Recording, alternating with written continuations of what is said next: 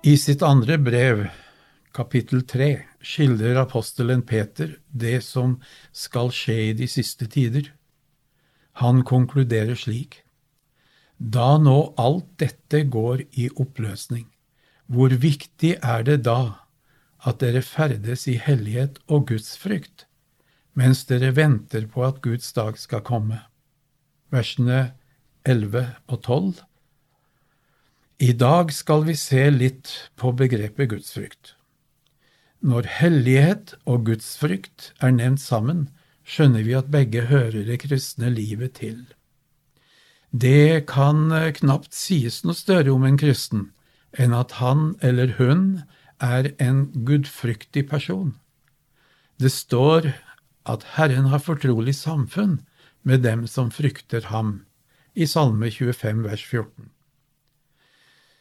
Men hva betyr det nå egentlig, dette med gudsfrykt? Her vil jeg kort nevne to ting det er viktig å ha klart for seg. For det første, gudsfrykt har med ærefrykt og respekt for Gud å gjøre. Om Noah står det at han bygde arken ennå akkurat slik Gud hadde sagt. Han bygde den med gudsfrykt.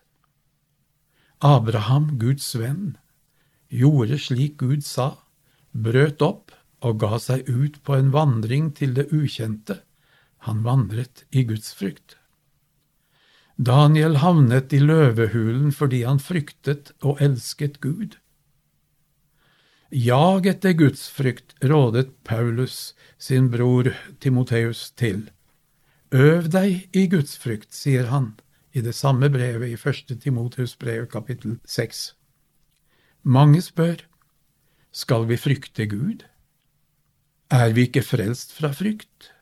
Jo, når et menneske blir født på ny, driver Guds fullkomne kjærlighet frykten for Guds dom og straff ut. Da skjer det noe med det mennesket. Guds hellige ånd tar bolig i det, og da skaper Han en ny frykt i hjertet. Det er Ånden som gir kunnskap om Herren, og frykt for ham, står det i Jesaja kapittel 11 og vers 2. Dette er ikke en frykt som får oss til å gjemme oss for Gud eller skjule vår synd, slik Adam og Eva gjorde etter at de hadde falt. Nei, Guds frykt skaper en lengsel i våre hjerter etter å ære Gud med våre liv og leve i samsvar med Hans vilje. Guds frykt er uroen for å gjøre vår himmelske Far imot, være ulydige eller gi ham sorg med våre liv. Luther sier i sin forklaring til det første budet, vi skal frykte og elske Gud over alle ting og sette all vår lit til ham. For det andre, her må vi si noe mer. Bibelen taler også om at nåden i Kristus skaper Guds frykt.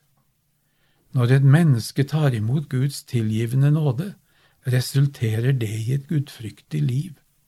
Salme 130 vers 4 sier det slik, Men hos deg er tilgivelsen, for at vi skal frykte deg. En har sagt det slik, En som ikke er en kristen, er redd for at Gud skal komme, fordi en ikke er klar til å møte ham. En kristen er redd for at Gud skal gå. For hvis Gud forlater ham, hva har jeg da? Den som har smakt at Gud er god, vil for all del ikke miste ham. Derfor skal vi ha respekt for ham, ha ærefrykt for ham, ja, rett ut frykte Gud mer enn alle ting. Dette er jo helt i tråd med det Paulus skriver til Titus. For Guds nåde er åpenbart til frelse for alle mennesker. Den oppdrar oss til å leve gudfryktig i denne verden.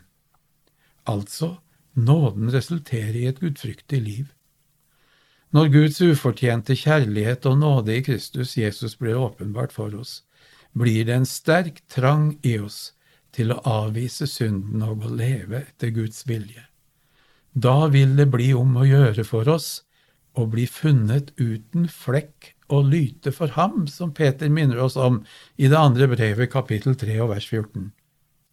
Gudsfrykt er tillit til en nådefull Gud. Ja, det hører sammen, de to tinga der.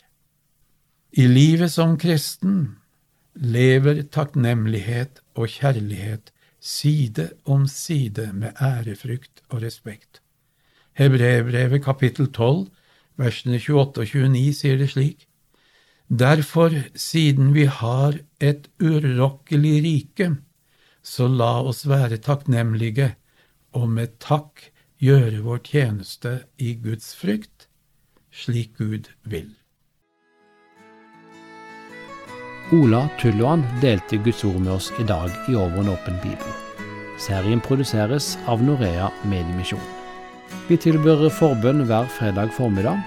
Ring oss på 38 14 50 20. 38 14 50 20 fra klokka 9 til 11.30 på formiddagen. Når som helst kan du sende oss en e-post.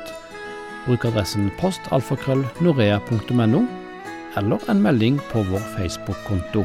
Søk opp Norea Mediemisjon.